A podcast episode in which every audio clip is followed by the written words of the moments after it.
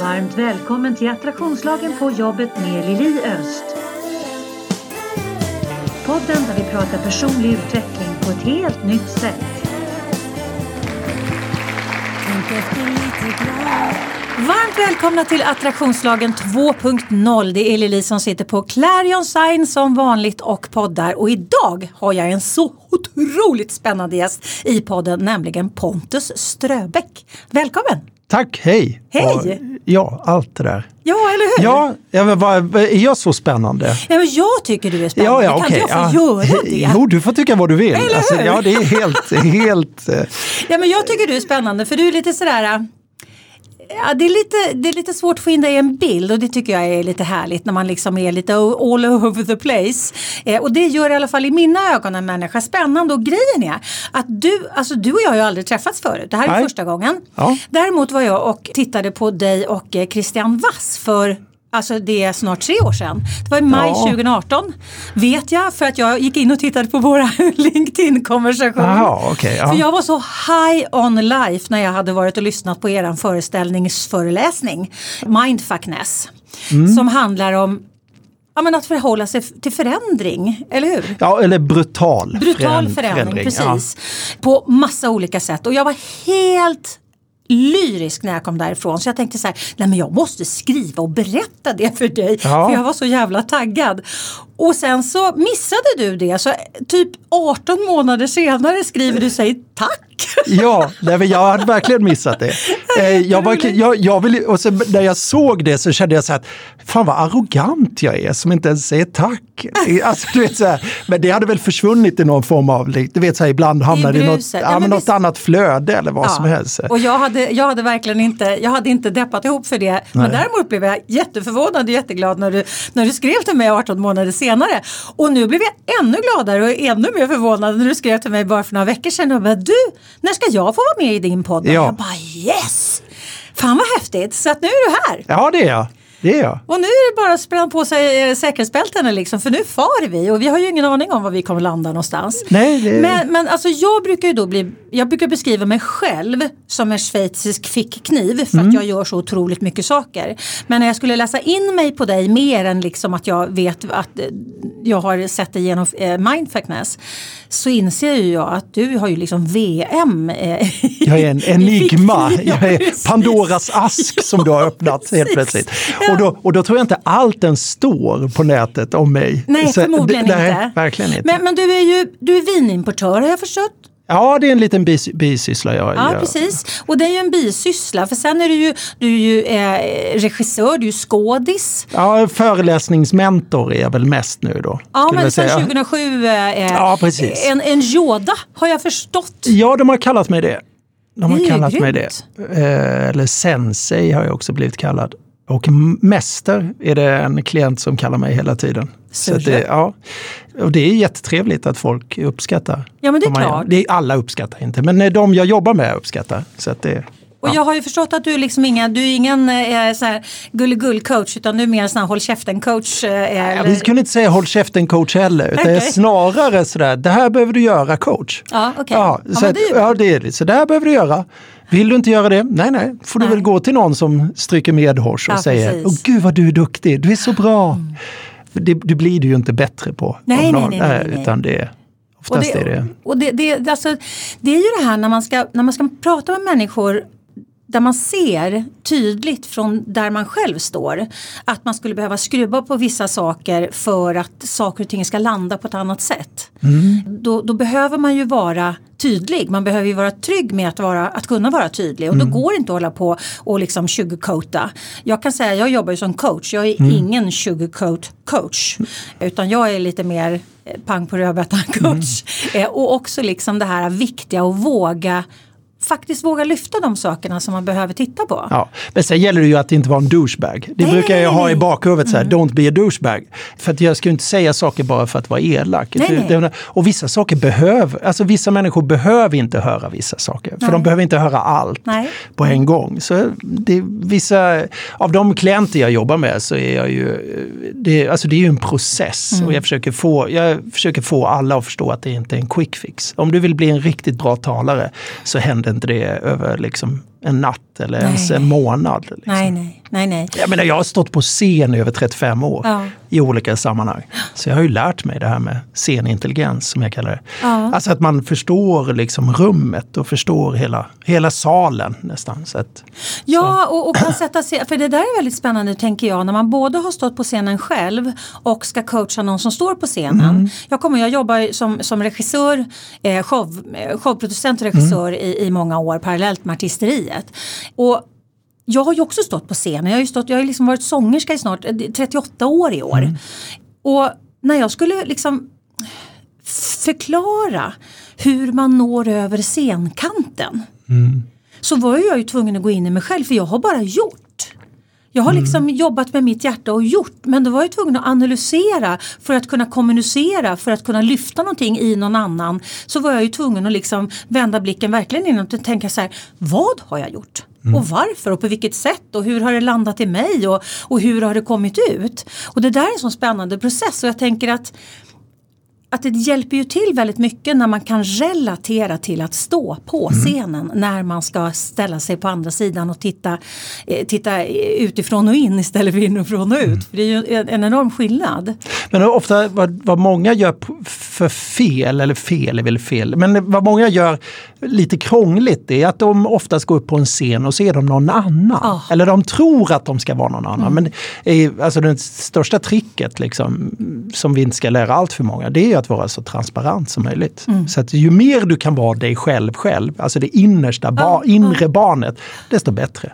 Så, Så, så jag har väl med jag har väl också kommit fram till det liksom att jag Retorik funkar inte för mig. Alltså Nej. jag gör säkert massor av retoriska fel. eh, För jag är bara rakt upp och ner. Eh, som jag är och det kommer från hjärtat. Och då kan inte jag fundera på hur jag går och står och sådana där grejer för det har jag glömt för jag är inne i det jag kommunicerar. Men det är ju då också man når ut, eh, tänker jag i alla fall för, för min del. Så är det ju verkligen då som jag berör människor i hjärtat. När jag är liksom autentisk och, och, och pratar från mitt hjärta till någon annans hjärta istället för att jag ska stå och fundera på hur snygg jag är eller eh, åt vilket håll jag ska gå eller hur ska jag eh, ha händerna. Alltså de, min kropp lever sitt eget liv. Sen kan man säkert justera det. Du skulle säkert tänka bara oh my god. Du lyssnar på Attraktionslagen på jobbet. Podden som utmanar gamla sanningar och inspirerar till nya tankegångar. Jag tror att eh, är man autentisk, om man liksom jobbar med hjärtat så når man fram på ett bra sätt. Och när du menar när du jobbar med hjärtat så menar du den delen av hjärnan som du tror är hjärtat? Ja, precis. Okej, jag vill bara kolla så att vi, så att vi förstår varandra. Ja, Att hjärtat, den enda funktionen den har, det är bara att pumpa runt blod. Nej, Alltså, det är vara- ett kognitivt organ! Nej, men i alla fall. Precis. Vi går vidare. Men du, alltså, du har ju då, bland annat så är du Guldmask-nominerad. Ja, två gånger tror Det är ju jag. helt fantastiskt för Hotelliggaren och eh, i hetaste laget. Ja, och sen la de ner eh, Guldmasken.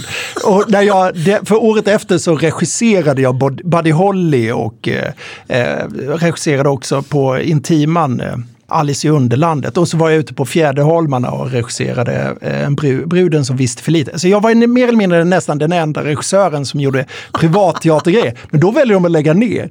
Så att jag hade kunnat bli nominerad i musikal, fars och sen regi.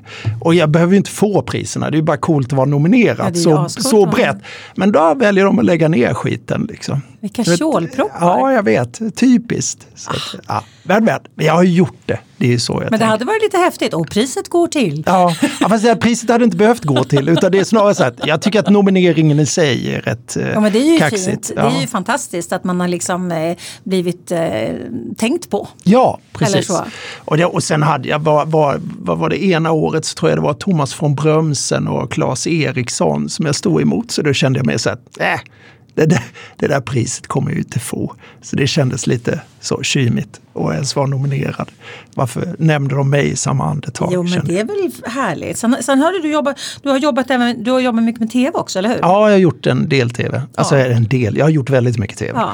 Jag regisserade på eh, Ernst eh, Kirchsteigers sista säsong för hans Sommartorpet Mm. Ja. gjorde jag på SVT. Så att, då var jag både regissör och producent för det programmet. Så jag Okej. bråkade med mig själv rent konstnärligt. Så att jag, jag hade egentligen ingen, ingen som kunde strida konstnärligt emot mig. Så jag hade en projektledare som hade hand om pengarna. Och sen var det jag som gjorde allt annat. Hur var det?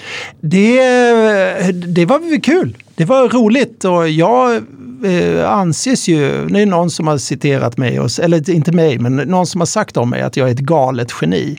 Eh, vilket, jag vet inte om det är en komplimang. eller om det, om det, men det, alltså när det kommer till sådana saker. Så att jag jobbade på, det var ju i Örebro, jag, jobb, jag åkte ju fram och tillbaka och så jobbade jag där eh, en hel sommar mer eller mindre och sen redigerade.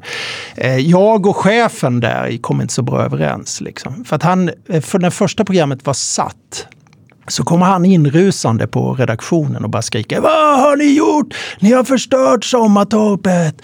Eh, den, vad nu? Och det var redan för sent att göra något för det hade redan skickats till textning som det hette då. Ja, ja.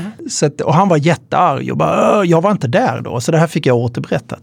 Sen eh, typ fyra veckor senare eh, och då hade programmet börjat gå och vi hade fått 400 000 mer tittare. Recensenterna hade skrivit att det var fantastiskt att de vågade göra om lite i Sommartorpet och vilket nytt grepp och hej och hå. Liksom. Då fyra veckor senare så kommer den här chefen in och, och, eh, och då var det också snack om att Ernst skulle byta kanal. Så att han började bara med att säga Pontus, jag vill börja med att säga att det är ett fantastiskt program som du har gjort. Varpå jag säger, nu måste jag stoppa dig, sa jag. För att så lät det inte för fyra veckor sedan när du rusade in på redaktionen och skrek att det här var det värsta du någonsin har sett. Så att, men har du ändrat dig under de här fyra veckorna? Åh gud så härligt. Och, så, och sen sa jag så att jag antar att vi ska ha det här samtalet för att ni är rädda för att Ernst ska lämna SVT till fyran. Jag kan inte göra någonting åt det. Det är hans beslut, sa jag. Så jag ville bara vara ärlig och anta, jag jobbade inte mer på eh, Örebro TV. Men eh, på något sätt så kände jag att det, det finns något, och det finns i talarbranschen också, men det finns en ängslighet i väldigt många branscher. En ängslighet att inte våga göra något som sticker ut, inte våga göra något som inte någon annan gör. Eh, och att hela tiden liksom följa strömmen som Ja. någon, form av död fisk. Och det har jag aldrig gjort tror jag. Och det är väl kanske därför jag är krånglig också. Det är därför jag inte haft ett, jag har aldrig varit anställd utan jag har alltid varit projekt eller fakturerat. Så att, Ja, men vissa, vissa människor ska man inte anställa. Jag går också min egen väg. Och, och, och det, alltså, för mig har det varit så otroligt viktigt. Jag har absolut aldrig valt den enklaste vägen. Men jag har valt den vägen som känns sannast i mig. Och, och den har jag fått strida för många gånger. För jag har också varit, ja men alltså, jag, jag kan inte säga att jag är en ledare, men jag är ingen följare. Vilket betyder att jag är alltid ute och trampar i högt gräs. Eh, och försöker trampa nya stigar. Liksom. Vad, fan, vad är det här för liksom, inne i djungler? Men, men det är ju liksom det på det sättet som jag, som jag kommer åt min, min, liksom, min mesta potential skulle jag säga. Eh, Men det är på- och sådana är ju lite trick- läskiga sådana människor. Ja, eller de är svåra att göra Ja. med. Men, men tricket där är väl också att man på, no, på något sätt så... Eh, eh, alltså det finns ju ingenting som säger att det jag har gjort är rätt. Nej. Alltså i alla fall, och sen är det också att eh, om vi nu skulle eh, mäta med de mätinstrument som vi har idag med framgång så tror jag inte någon människa skulle se mig som framgångsrik. Men jag har ju upplevt en jävla massa. Mm. Jag menar, jag började med två tomma händer och jag sitter fortfarande här med två tomma händer. Det är helt fantastiskt. Ja, det är inte Ja. många som klarar av Ja, men jag är inte så besatt av pengar tror jag. Så det är väl det som eh, avviker tror jag. Men, men eh, känner du dig framgångsrik? Nej, det tror jag inte. Nej. Eller jag... Vi, Eller vad är framgång för dig? Eh, Framgång för mig är nog snarare att jobba ingenting. Så det är ju en framgång. Att, att, och, det hade jag nästan uppnått innan pandemin, skulle jag väl säga. Eh, Anledningen att jag sitter här idag var ju att för tre veckor sedan innan jag kontaktade dig så tänkte jag så att ja, men jag syns ju inte nu. När mina klienter inte kan jobba så finns ju inte jag heller. Så att jag måste nog börja synas. Vad kan jag göra? Ah, jag kan ju vara med i olika poddar och sitta och prata. Det kan jag göra. det är, Ah, så då så tänkte jag, att ah, men jag kollade igenom mitt flöde och så har jag kontaktat x antal. Och, så nu gör jag två veckor av att vara, vara med i lite poddar. Jag brukar alltid tacka nej annars. Vilken tur jag hade då! Att du var liksom ute och fiskade i Ja, pandemin. exakt. Nej, men man måste synas lite så att Ja. folk blir lite nyfikna på en. För allt handlar om en ömsesidig nyfikenhet. Så Ja, det, ja, Och, där tänker jag också, om man tittar på pandemin nu, om vi, mm. om vi går tillbaks till mindfulness och just det mm. här mm. brutal, förändring. brutal förändring. För att det är väldigt, väldigt många som går igenom brutal förändring nu. Ja. Eh, tänker jag, på många olika sätt. Eh, med tanke på att det, det alltså hela artistbranschen är ju bara eh, godnattjord. Den är ju, mm. den är ju lite komalagd. Eh, föreläsningsbranschen är också påverkad på många mm. sätt även om, om det mer och mer liksom går att hitta vägar. Så. Mm. Men det är ju liksom hela besöksnäringen, det är ju väldigt väldigt många, många branscher som har blivit liksom stukade. stukade inte, otroligt stukade. Så det är mm. klart att folk har ju fått brutal förändring i sitt liv. Mm.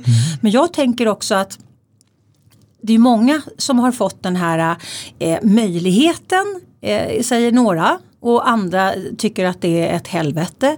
Eh, det här spacet att eh, kunna ja, tänka efter och reflektera ja. och känna efter och inse vänta nu här, är jag på väg i rätt riktning överhuvudtaget? För när jag inte springer och kör bingo, bingo, bingo, bingo då börjar jag känna saker som jag liksom inte riktigt har vågat gå in i mm. ännu. Så för många är det ju jättejobbigt. Men för andra är det liksom bara wow, pu, nu får jag äntligen reflektera. Nej, fan, jag tror jag flyttar ut på landet. Mm. För det går ju att jobba online så att jag behöver inte sitta här inne i stan. Det är många, alltså, men vad tänker du om, om, om, liksom, om den just för att du och Christian faktiskt tog upp det här med, med brutal förändring på så många olika sätt. Ja, vi, vi, eh, vet, det var inte så länge sedan jag gjorde den där föreläsningen känns som. Eh, men om man säger som jag kan reflektera över det här året som har gått mm. och den, eh, det, den blöta filt som vi har fått mm. över oss. Mm. Jag har väl dragit ner min verksamhet till ungefär 20 procent av min vanliga liksom, omsättning. Eh, jag har några klienter som vill hålla liv i mig och lite sådana saker. Mm. Men sen har, jag, så har det dykt upp ett annat fenomen också som jag är lite nyfiken på. Jag är ju ingen eh, utbildad coach eller något sånt. Jag har någon ETAC-utbildning som innebär att jag kan evaluera en människas trovärdighet. Mm. Jag kan se om någon ljuger. Eh, och sen eh, har jag, eh, jag är sorgbearbetningsutbildad och jag är, har en hypnosutbildning i mig också. Och lite sådana saker. Men jag, sen har jag erfarenhet. Men folk har liksom sträckt ut en hand och bara frågat mig, eh, hej, kan jag få ha samtal med dig? För de vill inte gå till en psykolog tror Nej. jag. Utan de vill ha liksom med någon som är förhållandevis rationell då, eller tänker på ett annat sätt. Mm. Så jag har, under det här året så har jag haft ett antal människor som har faktiskt sträckt ut en hand och bara sagt, hej jag vill prata, kan jag göra det med dig? Och, Vad coolt! Ja, det, och det har varit lite undligt också. Dels människor jag känner, men också människor som jag absolut inte haft någon, eh, någon kontakt Och jag vet, förstår inte riktigt varför de valde mig. Har, har, du frågat dem? Eh, nej, inte än, men det kommer jag väl göra. Ja, den, tänker... den en klient är redan eh, sprungen ur. Eller ja. vad man säger. Jag brukar prata i tre månader eller ett halvår. Mm. Så att säga. Sen brukar folk få betala det de tycker det var värt. Det, Vad bra modell. ja, men jag vet inte hur jag ska ta betalt. Men det, och sen gäller det också att eh, så, såklart, eh, jag har ju också tackat nej för när jag har märkt att jag inte känner att, eller dels att jag känner att det, det här är nog mer en någon psykolog som ska ta hand om mm, mm. den här. För du är just nu inne i en psykos, har jag ju inte sagt. Men, nej, men, men det har liksom känt av att mm. det här är ingenting som jag mäktar med. Liksom. Men de samtalen har varit jätteintressanta och jag har hittat saker i mig också. Alltså, dels eh, hittat eh, resonemang i mig som jag inte har haft tidigare. Så jag gillar det där. Jag föder ju nya grejer i mitt huvud och mm. då kan jag skriva nya grejer som jag kan ge till mina klienter. Det är ju perfekt. Ja, det är, ju perfekt. Ja. Menar, att jobba som coach, jag har ju jobbat som coach sedan 2009 mm. och det är ju en ständig process. Mm. Nu har jag ju varit process långt innan jag utbildade mig till coach. Min resa började, alltså jag jobbade ju som, som artist fram till jag egentligen födde mitt eh, första barn 1995. Jag har faktiskt också läst på om dig. Så ja, du har gjort det? Jag, jag, jag, jag, jag, koll. jag har lite koll. eh, nej, men då, då var det liksom, från början var det ju mest artisteri. Och sen så när Tim kom, eh, eller 95, 96 då när jag slutade jag väck, då började jag jobba med showproduktion. Mm. Och då var jag sådär, oj, eh, vad, vad händer med mig om jag inte liksom blir pekad i någon riktning utan jag liksom eh, gör någonting själv. Så mm. då blev jag sådär nyfiken och började liksom eh, leta under alla stenar och så vidare. Men, men 2002 så gick jag in i väggen, eller jag brukar säga att jag gick in i krattan. Mm. Eh, så jag så här, på ja. en räfsa i, i, i, i, smocka i pannan. Men det gjorde ju att jag var tvungen att liksom titta inåt. Vad, vad var det som gjorde att jag, att jag hamnade här? För det handlar inte bara om ja, att jag hade jobbat för mycket utan det handlar ju liksom om mitt sätt att se på mig själv. Mm. Eh, och, och, mina möjligheter. Jag hade fruktansvärt höga krav på mig själv och så vidare. Så, så då, då skrev jag min första musikaliska föreläsning, Paus eller kaos. Mm. Och sen så ett antal år efter då så bestämde jag mig för att jag ville utbilda mig till coach. Och sen dess har jag ju liksom, varenda gång jag coachar ibland så tänker man så här, gud vad smart. Vad klokt det där var. tänk om jag hade vetat det. Så har det kommit ur min egen mun. Men då får man liksom ta det genom sig själv. Mm. Så får man sila det genom sig själv och ta det genom sina egna känslor. Och liksom vad händer det här i mig? Så att det är ju en, en ständig resa att coacha människor. Mm. Och det är en ynnest att följa med på, den, eh, på, på deras resa. Det är helt magiskt. Men, men jag, jag, tänker, det kan inte vara så. För jag menar, min upplevelse av dig och Christian, men som jag såg er tillsammans då, mm. det var ju att ni ni, ni skruvade på så många inom situationstecken vanliga eh, sätt att tänka med att se på det ur ett annat perspektiv. Mm. Och, och, det föder ju naturligtvis en tanke om folk då känner så här, men vänta nu här, jag, jag, eh, jag vet inte var jag är på väg någonstans och nu måste jag prata med någon som kan, som kan hjälpa mig. För det står så bra på er den här mindfuckness-sidan. Vem vill stå med ena foten kvar i det gamla? Mm. Eh, jag visste inte ens att vi hade en mindfuckness-sida. Är det på Facebook kanske? Nej, eh, jag googlade fram det. Det var nog faktiskt när ni, eh, det, det var er presentation på Moriskan när jag tänker efter. Jaha, ja ja. Så att, och en av våra öppna då? En av alltså. precis, en av era öppna föreläsningar. Mm. Som står för övrigt att det är i mars men det är inte, inte, inte vilket år. Så jag tänkte vad fan ska de spela nu? Mm, ja. för fem personer. Ja exakt, ja, det hade vi kunnat göra, både jag och Christian. Tror jag. Eh, vad, frågan var alltså Nej, men din take på liksom den här ja, men all förändringen, om man tittar på det Ja, men det är det så mycket som förändras egentligen? Jag tror att det är väldigt mycket som förändras inuti människor just nu. Har ni fastnat i negativa tankemönster som skapar oönskade resultat? Kontakta mig på lili.liliost.se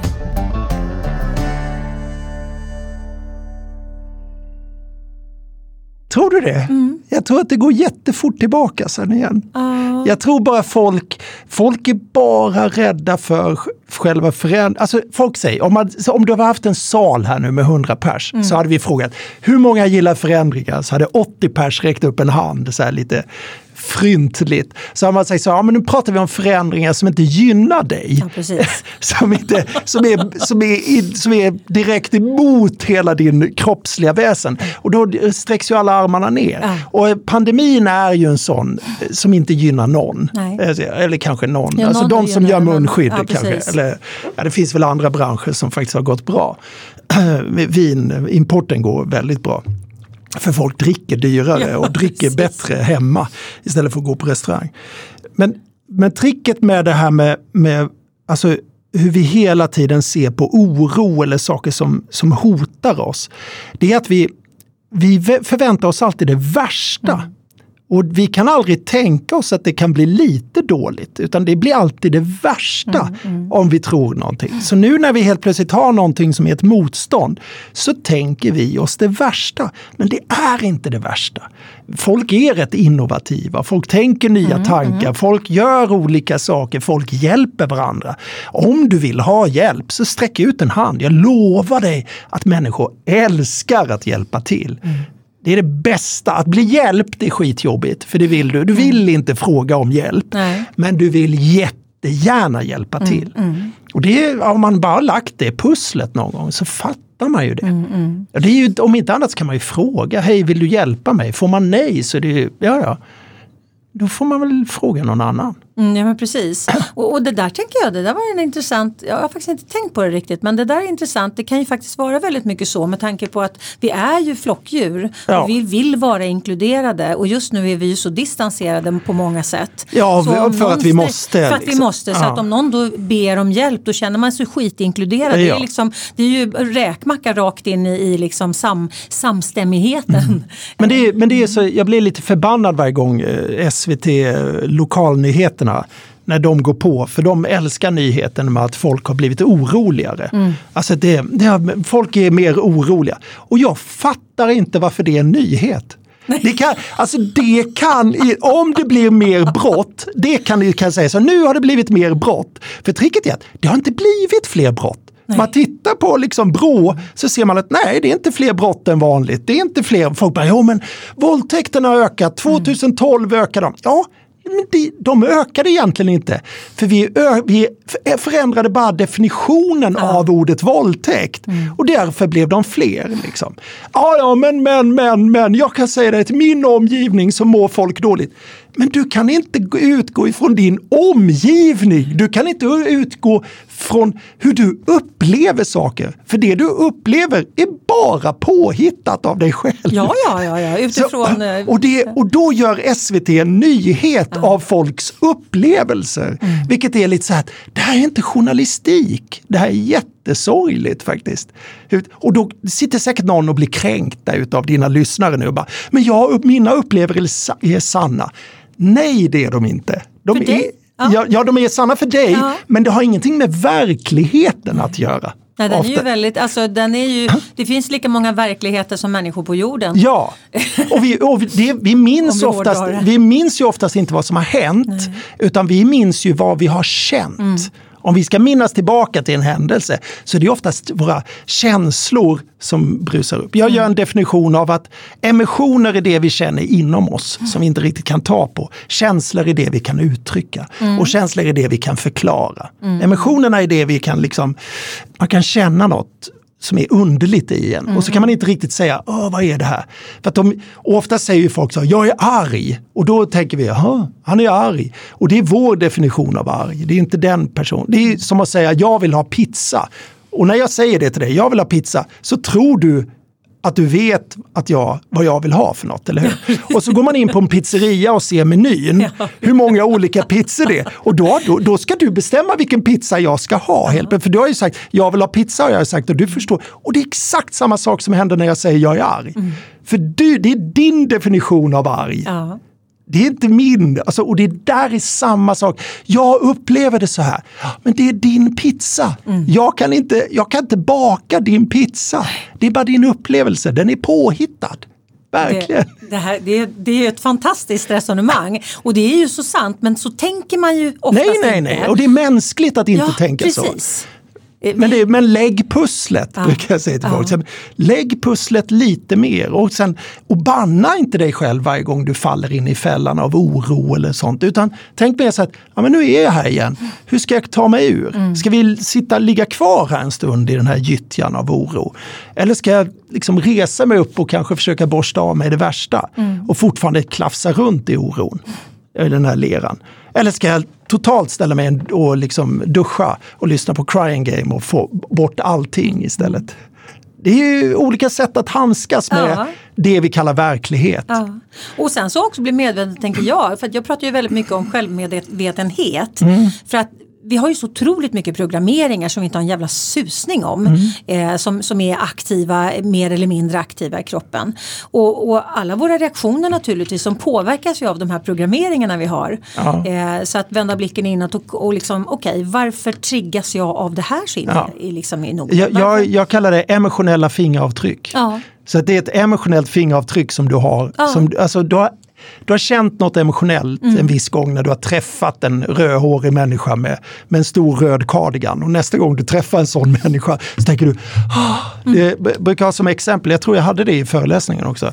Men tänk på den, en människa som har mobbat dig i din ungdom eller din barn. Någon du tycker väldigt illa om. Mm. Vad heter den personen? Det behöver inte säga nu, men vi påstår att den säger... men att, det kom upp ett namn? Ja, det kom upp ett namn. Ja, dö, döp din förstfödda till det namnet. Ew. Det går ju inte, nej, nej, men det är bara ett namn. Men ändå så förknippar vi det så hårt ja. mot någonting som är negativt. Ja, det är ju en, ett eh, emotionellt fingeravtryck som egentligen borde suddas ut. helt. Som är jättekonstigt. Egentligen. Jag kommer ihåg när vi, när, när vi väntade eh, Tim, då, vårt första barn. Va, heter han Tim? Nej, nej jag skojar bara. galet. Min mobbare när jag var liten. Nej, jag skojar. Men vi visste inte om det skulle bli en kille eller en tjej. Ja. Och barnens pappa då, han hade ett namn, nu ska jag inte säga det här, men han hade ett namn på, för förslag. Och det var ett flicknamn som på en tjej i plugget Ja, hon var inte, hon var inte så gullig Nej. helt enkelt. Hon var rätt eh, elak. Och Eh, det- vet du vad, jag ska faktiskt omdefiniera det. så. Hon mådde inte så bra. Hon mådde så, inte nej, hon så mådde bra. inte så Nej, bra. hon mådde Nej, men inte hon så mådde så bra. Nej, precis. Hon var inte alls elak. Hon kanske hade det jättetufft hon Ja, också. Ja. Precis, Ja. exakt. Ja, Bra där. Ja. Eh, men hon var i alla fall, hon, hon var lite utåtagerande den tjejen. Och du vet, han ville så gärna att, att eh, om vi fick en flicka att, att hon skulle heta Hernan. Och jag tänkte bara, nej men det går Vad var det för namn? Klamydia? Ja. Hette hon det? Eller var det bara det hon hade kanske? Jag vet. Jag ska inte avslöja vad det Nej, var för någonting. nej, nej, men, men det var verkligen en sån stark reaktion. Nej men det går inte, det går, jag kan inte ha ett barn som heter det här namnet. Mm. Aldrig i hela livet. Det är rätt intressant. Mm. Och jag tänker det finns otroligt mycket sådana här emotionella fingeravtryck. Ja, ja. Som vi inte har någon susning om varför Visst gillar du det? Emotionella ja, men det är skitbra, fingeravtryck. det var jättebra. Jag ska referera till dig varje gång jag använder det här. Jo, Ja, det är, hade vet hon. Pontus Ströbeck. Lisa Fellman Barrett som har kommit på Okej, det. faktiskt. alltså du har Så lånat det jag, då Ja, jag nej, lånat har jag. Det är hon som har kommit. Det är en psykolog som faktiskt, hennes senaste bok, fantastisk. Ska jag säga. Man ska egentligen läsa den engelska, man ska inte läsa den svenska översättningen. Men Vet du vad den heter på?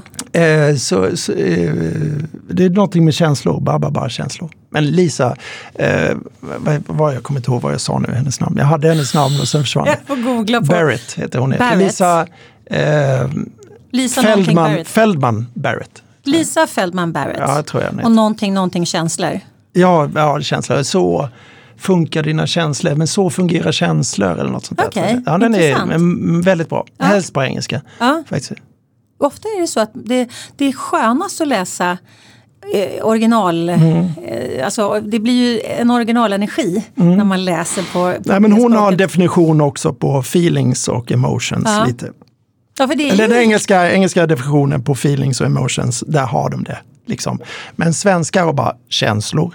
Och de har inte ens skrivit emotioner en enda gång. Liksom. Så det, ja, men vi har lite fattigare språk. nej, det har vi inte. Men vi Okej. har, vi har oförmågan att använda vårt språk. Så kanske. Ja, så skulle jag väl säga att det det. Ja, så är det. Så är det, ja, okej. det, vi har exakt lika mycket ord. Det, är- det, det är liksom, ja. Men, ja, men det kanske är så att vi inte är... Vi alltså, för jag kan tänka, i alla fall på engelskan, att man liksom, det finns så många olika schatteringar. Mm. Man, kan, man kan liksom skruva upp eller skruva ner volymen rätt mycket i ord. Det finns det också på svenska. Men jag undrar varför vi inte använder det. Nej, för att vi inte, vi, jag vet inte, vi är lata antagligen. Det är väl så att vi, Ja. inte, vi inte riktigt eh, använder vårt språk till fullo. Ja, så kan det vara. Ja. Hur, huruvida vi, nej jag bara skojar. Ja. Jag gillar att använda sådana så här, knasiga ord, så här, det är det bästa jag vet. Eh, nu kommer jag inte på något, men det är, sån här, det är något sånt här typiskt, nej nu kommer jag inte på det. Nej, jag får droppa det. Ja, du droppar det. Ja. Men Jag, jag kan sitta här och vara lite att Jag glömde Folk mitt... bara, VM i googling. Eller hur? Va? Vad sa han? Dolik? Det är en människa som lider av ett avlångt ansikte. Så det, Vad hette det sa du? dolikosfalist. Jag, jag spelade ett spel en gång. Eh, som, Mm. Det, det vet vad, du, du märkte hur du började den, den meningen. Som att jag ska säga, nej lägg av, gjorde du? Spelade du ett spel en gång? Det här är helt otroligt. Vad ska jag, oh, hur ska jag kunna ta till mig den där informationen? Förlåt. Oj, Jesus. Berätta, vilket spel spelar du? Jag kommer inte ihåg vad det hette nu. men Nej, det här är en jättebra historia redan. Jag känner att den här, den här kommer jag sno av dig, den här historien. Den här kommer jag sno av dig. Det alltså. handlade om synonymer. Ja, det heter synonymer, ord. tror jag. Nej, precis, det spelet om heter synonymer. Och, det, och där var det ett ord, ett ord som hette, jag tror att det var senakel. Jaha. Och det betydde trångsynt nykterist. Mm. Och det tyckte jag var så fascinerande över att det fanns ett samlingsnamn för. En Trångsynt nykterist, ja, ja. precis. Apropå vad med långa ansiktet. Ja, ja, just det. Dolikosvalisten. Åh, Jesus. Ja, vad har han med det här att göra?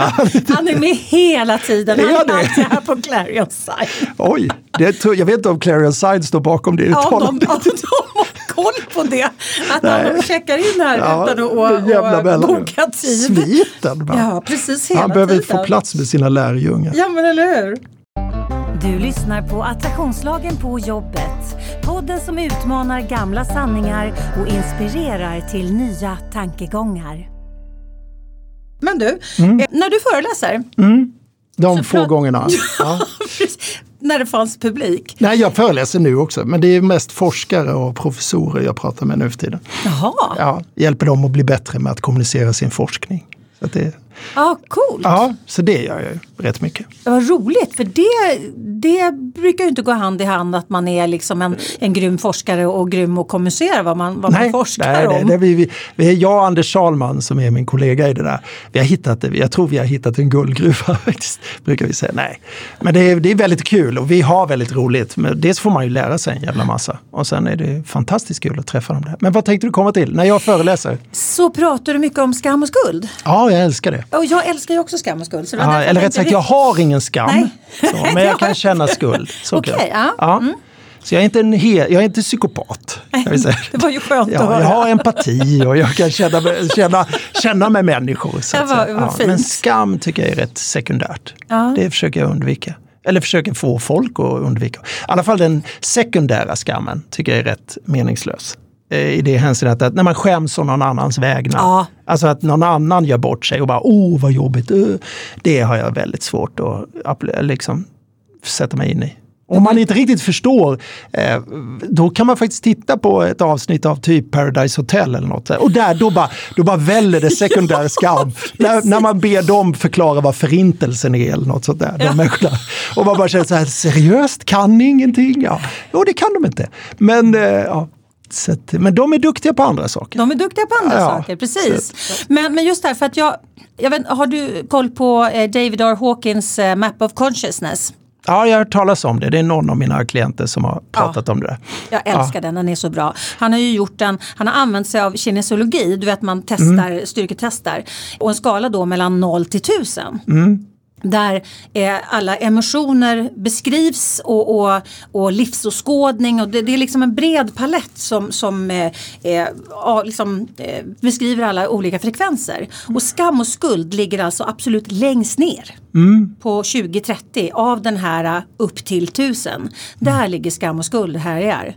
Skuld skulle jag inte lägga, alltså det tycker jag är lite konstigt att han har lagt skuld. För skuld tycker jag egentligen inte är något fel. För att om du gör dumt så måste du kunna känna skuld för att sen kunna be om förlåtelse. Absolut. Så den skuld, skuld tycker jag inte är något fel. Skam däremot tycker jag är något, för då är det oftast något som du, alltså att det är dig, dig själv som du hugger på. Alltså din eh, eh, självkänsla som du hugger på. Och det är oftast den som angrips. Skuld är det oftast något du har gjort fel. Och det är lätt rätt. Och, inte alltid tänker jag. Det kan ju också vara så att, att man är en påhittad Ja, ja, i men oss då är, det, själva. ja, Och då är det fortfarande en påhittad. Så då Ja, är du men inte det är ju skuld. ändå en känsla då som är väldigt lågfrekvent. Jaha, okej. Eh, ja. Så det är så han med det. det är ju här, de, de är ju liksom, den här är ju eh, frekvenser var de här, eh, var de här känslorna ligger Var någonstans. ligger känslan yrsel? Det På den skalan? Nej, okej. Jag ville bara kolla för att få en referenspunkt. Ja, vad spännande! Ja, Här, jag, är väldigt, jag är väldigt besatt av just emotioner och känslor. Ja. Så att, eh, och jag, är, jag blir väldigt eh,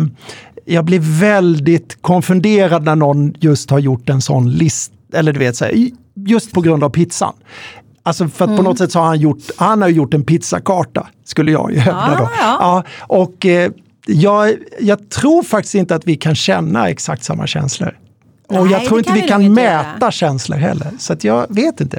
Jag är skeptisk. Jag är ska- skeptisk. Ja, jag är Ja, men skeptisk. man får vara skeptisk. Jag är alltid inledningsvis jätteskeptisk. Ja, men du, du är en sån som, som behöver liksom eh, till motsatsen är bevisad. Nej, faktiskt inte. Eh? Det, nej, jag, går inte ens igång. skeptisk jag är bara skeptisk ändå. nej, jag, och jag tror att jag, mina klienter behöver ju att jag är skeptisk. Mm. För då ifrågasätter jag, ifrågasätter ifrågasätter. Och då kan de antingen då styrka sina argument eller förstå efter ett tag att nej, men det här kan jag inte stå och säga. För det här finns det ju ingen Liksom, Bärighet i. Nej, Ja. Eller det finns ingen, det finns ingen verklighet i det. Så att, eh, och man kan inte stå och säga vad som helst på en scen. Faktiskt. Nej. Och det borde Även vi säga det- till väldigt många föreläsare. Jag skulle säga. säga Det det, du kan inte stå och hävda vad som helst, det kan du Nej. inte. Nej. Nej. Men hur, hur hamnade du liksom i, i eh, coachnings... eh, Hur började, ja, Ja. Liksom, hur började du coacha Ja, det, var, eh, det var Skills Partner, fanns det ett bolag som, jag tror de finns igen, men de gick i konkurs för några år sedan. Men, Mm. det, eh, men de hade en sån här eftermiddag där det var massa föreläsare. Och eh, det var fyra föreläsare, vi skulle alla prata i 45 minuter. Jag var sist av dem alla fyra. Och ju mer tiden gick så upptäckte jag att alla föreläsare drog ju över 5-10 minuter. Så jag bara tänkte så här, jag kommer ju inte få några 45 minuter. Fan, jag, Åtta minuter. Nej men 25, 20, 22, 25 minuter. Så tänker jag att jag kan ju inte göra det jag ska göra. Ah, jag går upp och improviserar tänker jag. Eh, och, eh, så jag går upp och improviserar då som fjärde föreläsare för massa människor då som ska köpa oss sen. Då. Och sågar alla som har varit innan mig och berättar vad de har gjort rent fel, rent sceniskt. och, och gå igenom då viss, alltså det finns annan forskning som hävdar det motsatta till det här. Jag hade liksom suttit och googlat lite och kollat lite. Och så. Eh, och eh, Eh, Skillspartnern var ju inte så glada. De tyckte inte alls, du skulle, jag skulle ju ha pratat om något helt annat. Varpå jag sa, men det hade ju inte hunnit. Eh, men det fanns en kille som jag sågade mest som heter Olof Relander. Han sågade jäms eh, fotknölarna. Han frågade mig så här efteråt, så här, hjälper du andra föreläsare? Varpå jag svarade, ja, det gör jag. så då började jag hjälpa honom. Och sen ett och ett halvt år senare så vann han, blev han årets föreläsare. Eh, och då blev det lite så att hela branschen tyckte det var så jävla undligt att han eller så, varför, han, varför får han... Jaha, han har fått hjälp av den där killen. Och då blev jag helt plötsligt poppis. Och då ville ju alla helt plötsligt ha mig som någon form av snuttefilt och säga att de jobbar med mig. Eh, okay. En del eh, anlitar mig just av den anledningen. Ja. Eh, för att då kunde de gå till talarforum då och säga att ja, men jag, har Jag jobbat har med. Pontus. Ja, Ja, jag, jag har jobbat med Pontus. Men eh, ja, jag gick inte riktigt på det alla gångerna. Så att, eh. Men det var så det började. Mm. Så nu är det 13, 14, 14 år sedan i höst då blir det. Så att det är 13 och ett halvt år sedan är det. Så det har bara rullat på. Till en början var det ju som sagt en bisyssla och nu Ja. är det, nu, eller inte nu det senaste året, men det har varit en huvudsyssla rätt länge. Mm, Så att den här föreläsningen jag gjorde med Christian Wass och jag, Mindfulness, det var också en bi. Och det är också mycket så att jag måste ju själv, själv föreläsa för att kunna påstå massa saker. Ja. Alltså jag måste ju själv stå där uppe och testa grejer och så. Så ibland Mm. så har jag, har jag ju också gjort föreläsningar. Vad rädd jag blev. Och jag med. Jag trodde vi, vi Det var ett ICE-nummer, så du, kanske du ska svara. Nej, det var en, min väninna som står på ICE. Jaha, oj. Mm. Har du väninnor på ICE? Nej, men det, eftersom jag inte är gift Ja, så har jag mina barn, min syster och så min bästa kompis sen, Ah. sen eh, vi, var, eh, vi gick i sjuan. Ah. Så de är på ICE. ah. Jaha. Vad spännande. Ja. Ja. Jag vet inte var jag var någonstans. Nej, förlåt. Nej, det är, du behöver inte be om Jag ursäkt. klipp, vi klipper det här. Vi Nej, det får du inte med- göra. Det får du inte göra! Det är det enda du inte får klippa. Det är, jätte, det är hela grejen. För folk bara, det där resonemanget, vad, vad tog det? Varför kom han? Han verkar ju rätt dum i huvudet den där Ströbeck. Så det är bara för att du velat ta att nej men jag vill inte gå ha dålig dager. Så ska din gäst bara sitta här och vara lite korkad. Oj, Jesus. Ja, eh, Jesus igen, jag vet inte. Förlåt, jag, Du, jösses. sluta, sluta be om ursäkt. Ja, det klär dig inte. Prenumerera gärna på min Youtube-kanal Attraktionslagen 2.0 så att du inte missar några uppdateringar. Ah, gud, du, du är som en rollercoaster att prata med dig. Det är jätteroligt. Ja, det är en, jag gillar att vara en karusell. Ja, Det är kul. Ja eller hur? Nej, men det, är, alltså, det blir mycket mer intressant att vara en karusell. Det är liksom, Mm. För då kan du bli åka av. Så. Sen, sen tror jag inte jag ger sken av att vara en sån person, men det är lite att knäppa på och stänga av. Jag är ju också till åren kommen. Så att det, Så till åren är du i alla fall inte. ja, men jag har ju, jag, under pandemin lyckades jag fylla 50. Den enda festen som är avdragsgill, det bestämmer, det bestämmer myndigheterna. Jaha, nu ska vi ha alltså corona här alltså. Nej, jag skojar. Nej, men det, är- det hade, jag, jag hade, haft, jag hade jättegärna haft fest. Men jag, jag tycker också det är lite skönt att slippa ha fest. För vem ska man bjuda? Helst när man har det där CVt som jag har. Alltså, ja, eller hur? ja, vem- vem- vem de är 800 vä- närmaste. Ja, nej, jag hade nog inte kunnat göra den urskiljningen tror jag. Tror jag inte. Nu får du bara åtta pers, eller det får inte ens det va? Det är bara närmsta anhöriga som får vara Ja, med. fyra va? Nu vet vi inte när det här sänds men ja, de Nej, kanske de har precis. ändrat allt. Och bara, Precis, då kanske det bara är jag själv. det, ja, fattar du vad som händer när de släpper upp på det här? Det kommer ju bli orgier i Ja. sprit och folk kommer... Kramas. ja, ja nej, men det kommer ju vara så här kontors, de kommer ha så här after work och det kommer vara liksom naken eh, julgransplundringar året runt i flera år. Ja, men det, kommer, det kommer bli galet vad folk törstar efter. Att, jag skrev en tweet för eh, några, några månader sedan där jag bara, jag längtar efter en, att en främling tar på mig. Det var liksom det jag skrev. För på något sätt att man vill att någon ska gå in i en i tunnelbanan utan att säga ursäkta. Att de bara ska puffa till en och inte bli något ursäkta. Utan när hände det sist? Det är ett, mer än ett år sedan att någon tog på mig. Eller nej, inte så, men det, det, är fortfarande vissa fredagskvällar. Ja, men, grattis igen! Tack. Grattis Skövde! Nej. Konstigt.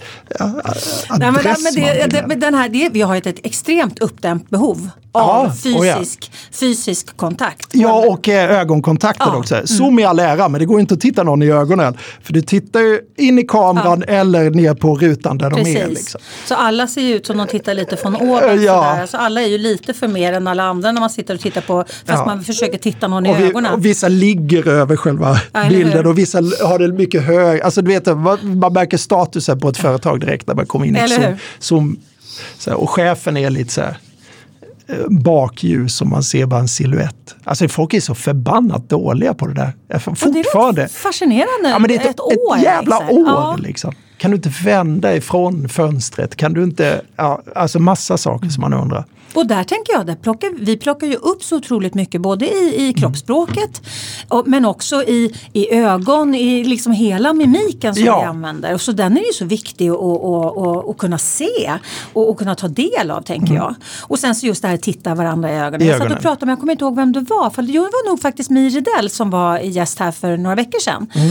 Vi pratade just om det här, för jag hade varit ute och powerwalkat eh, på morgonen och så konstaterade jag att, att folk liksom vek undan blicken blicken när vi kom för nära.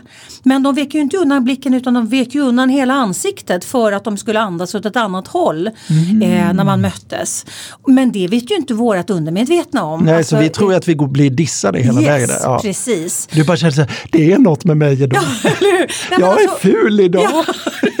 men du kan ju tänka dig, liksom, och, och, det här är en omedveten handling. Och sen så är man ute och går, man möter folk på stan och så vidare och sen så bara vänder de bort ansiktet precis. Och jag menar, vi signalerar ju till, du är inte i min flock. Mm.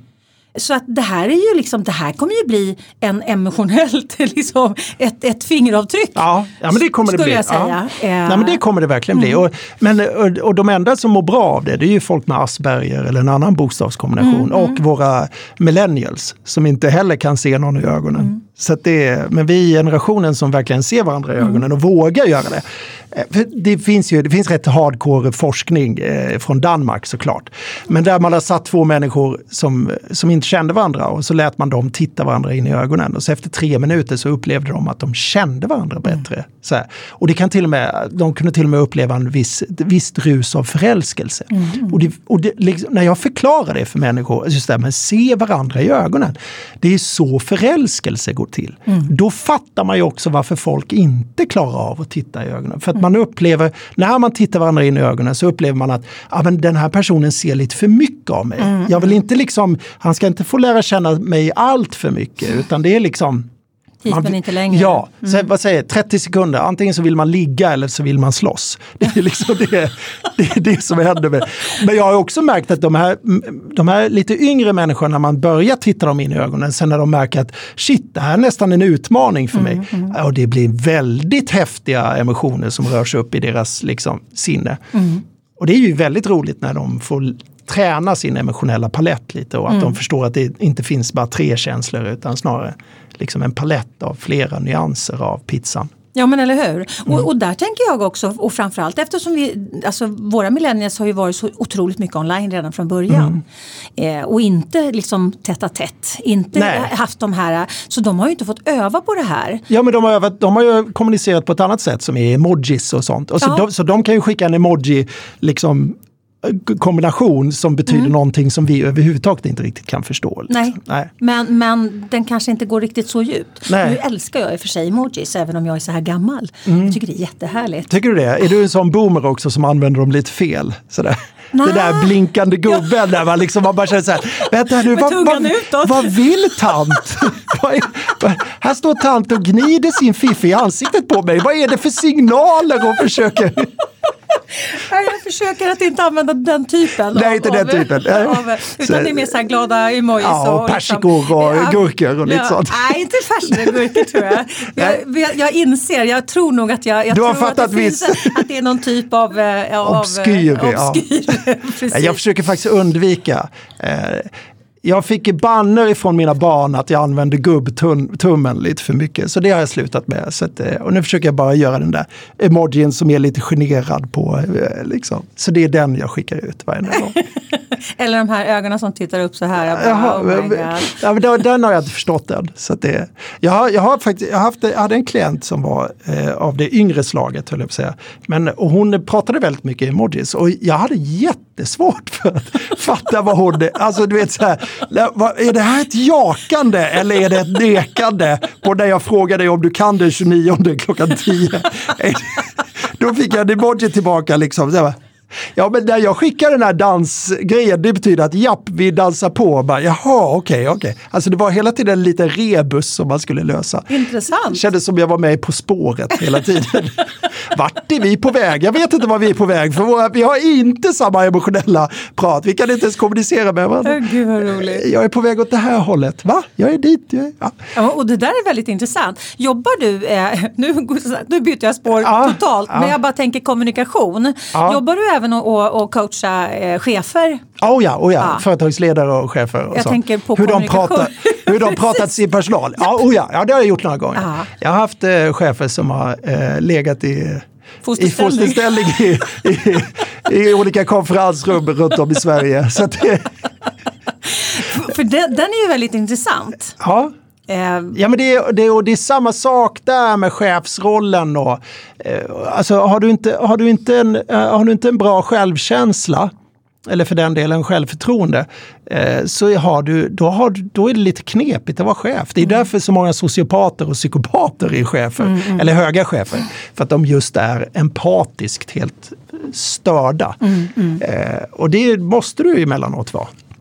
Tror jag. Men jag tror att det kommer en ny chef. Jag tror att det kommer komma en, en, en ny form av chef eh, som kanske är lite mer empatisk. mm, berätta om den spaningen. Eh, jag, dels är det ju vad heter det, eh, Fredrik Laloz hela TIL då, alltså med det här nya sättet att den platta organisationen och att man ska vara med, eh, arbe, alltså arbeta som ett helt stort team och alla tar lika stort ansvar.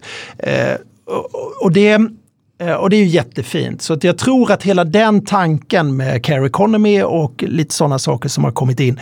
Den chefen som är lite lugnare rent, alltså att man inte straffar, att, man, att det är okej att göra fel. Alltså att det är, alltså på något sätt av misstag så lär vi oss något. Alltså om allting bara hela tiden ska gå rätt så, så kan man inte... Ja, då lär vi oss Där ingenting. lär vi oss ingenting och, det, och, och då är vi antagligen för fega. Mm. Om det inte går fel så är vi för fega och då vågar vi, vågar vi inte Mm. göra saker framåt. Men jag tror att den, det kommer komma fram en form av eh, chef som är, eller en ledare snarare som är mer transparent och vågar visa lite mer av sitt, eh, inte privata kanske, men sitt personliga jag. Liksom. Så att de inte, för där ser jag samma sak där, att det är väldigt mycket ledare och chefer som spelar roller. Alltså att de är någonting annat på jobbet. Och jag kan tänka mig att det är rätt ansträngande sen när man kommer hem och gråter kudden blöt. Liksom. Så att det, och det är mycket därför jag har samtal med dem. Så att, eh, det, det, det är ju så att jag träffar ju dem eh, oftast för att de de träffar ju väldigt sällan människor som säger nej till dem. Och helt plötsligt så träffar de då mig, som, så jag har ju inget med dem att göra. Eller du vet, så här, jag är bara anlitad. och jag kan ju precis. lika gärna ha det där uppdraget eller inte ha det.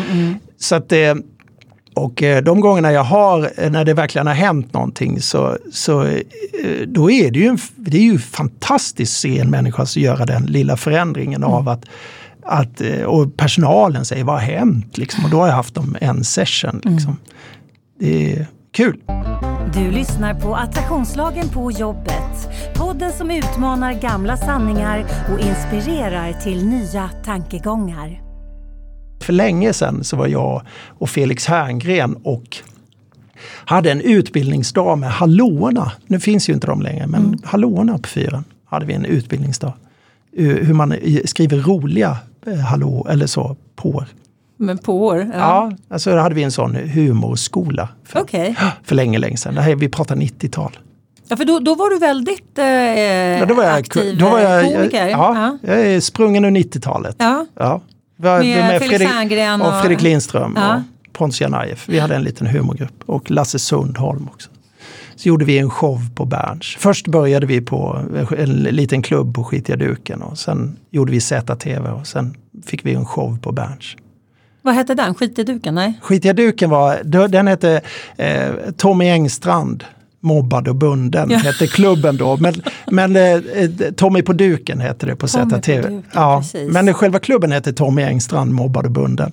Tommy Engstrand var, jätte, han var jättearg.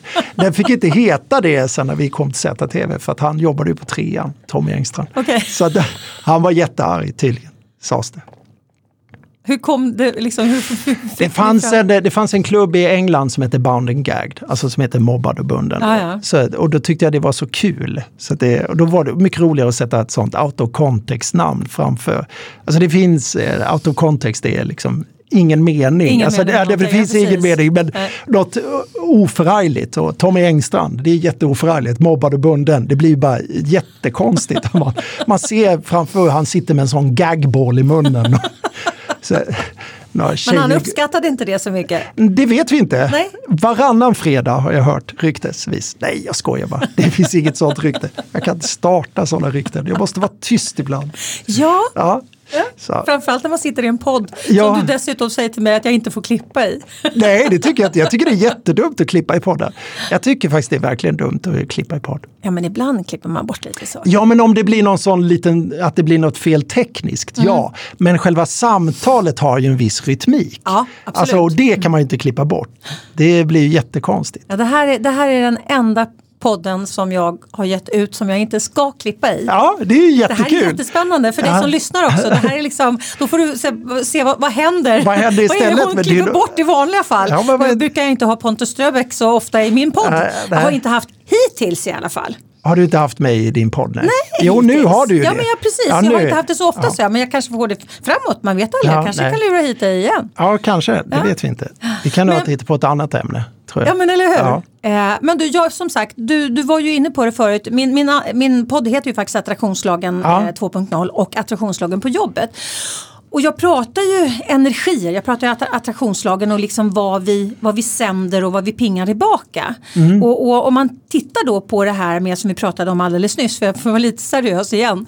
Eh, med just det här, det som saknas tänker du i, i eh, ledarskapet är faktiskt den emotionella biten. Det är många, jag brukar säga att det är väldigt många huvudfotingar som är ute och, och patrullerar. Ja, okej. Där man har liksom skurit bort den emotionella biten. Och, och sen så går man in i väggen och så blir man bara hjärtfoting och så tappar man huvudet. Det är inte heller någon bra grej. Men liksom. huvudfoting finns det ju hur mycket känslor som helst i. Alltså det är ju en, en tvååring Ja, eller en treåring ja, jag som vet, ritar men det. Men det är man så tänker- mycket känslor Ja, i den. ja i och för sig. Här det kommer alla känslorna på en och samma Samma gång. gång. Ja.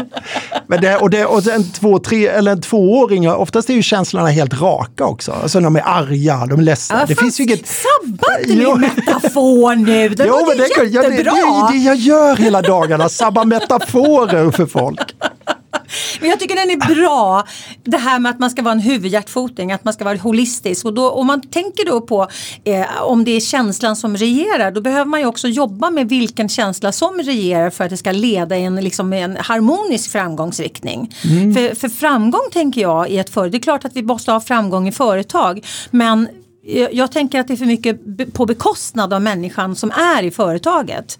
Eller framgången mäts ju oftast i, i, i pengar. Ja. Den mäts ju inte i så mycket annat än Nej, pengar. men om man, börjar, om man börjar mäta det i, i, eh, i, i Kundnytta faktiskt- eller vad, vad som Ja, helst. och, och i, eh, i eh, psykiskt mående.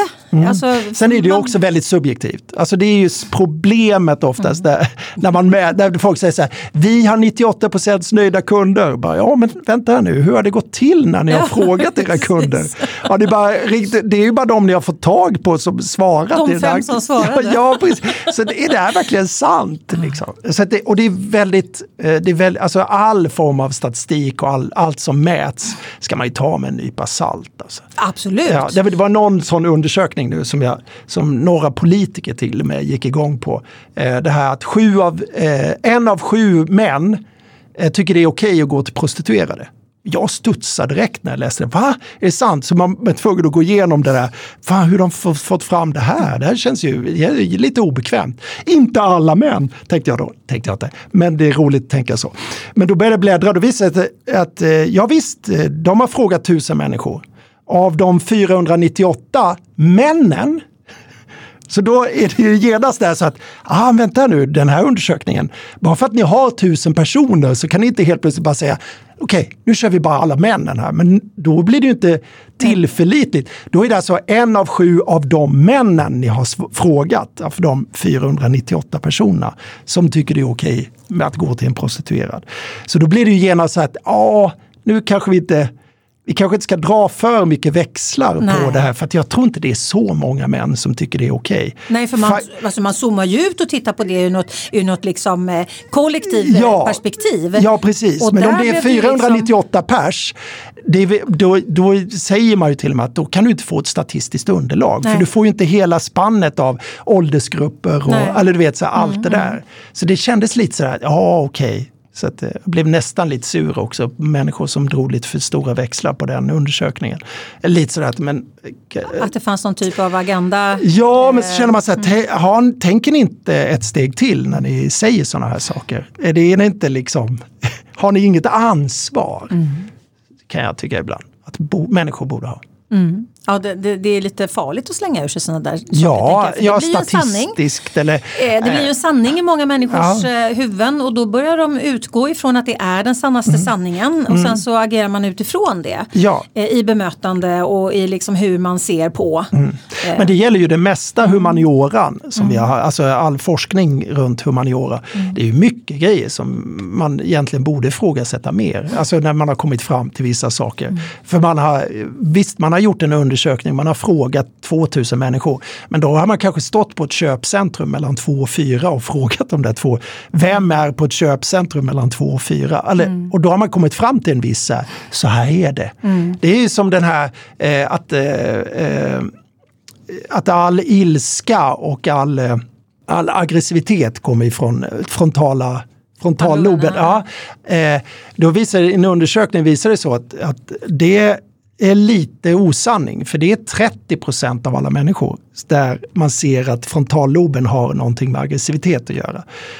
De andra 70 eh, händer det på olika andra delar. Mm. Av, och det har man ju kommit på långt senare att hjärnan är plastisk. Mm, Men den sanningen att all ilska och det är frontala, frontalloben som liksom hypo, vad heter den? hypo ja, nu, nu är jag för dålig på alla de där... Det blir inte hippocampus va? Jo, hippocampus. Ja, hippocampus är det som går igång då.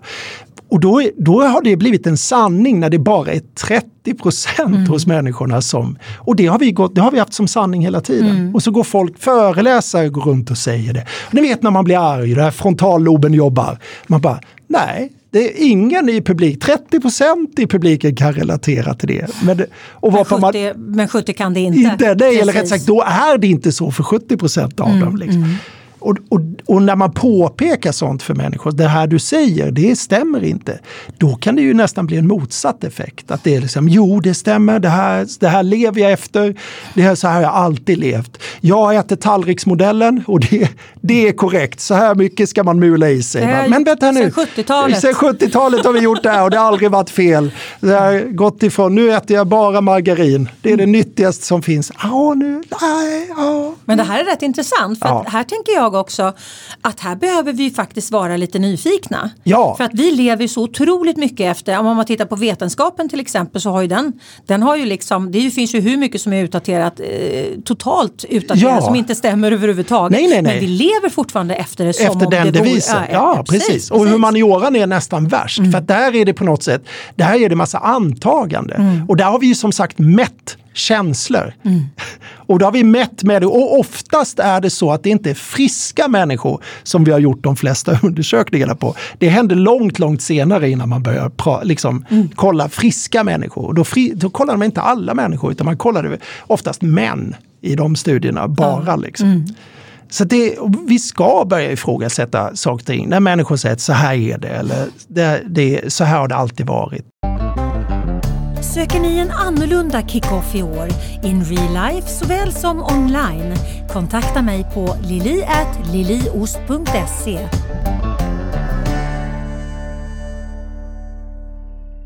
Hörru du, tiden går väldigt fort Ja. när man sitter och pratar om eh, allt mellan himmel och jord. Det har varit fantastiskt roligt att ha det här. Det har verkligen varit en, en rollercoaster. Ja. I Men mitt, för mig har det varit sådär. Nej, jag skojar. Det var jätteroligt att vara här. Det var väldigt kul.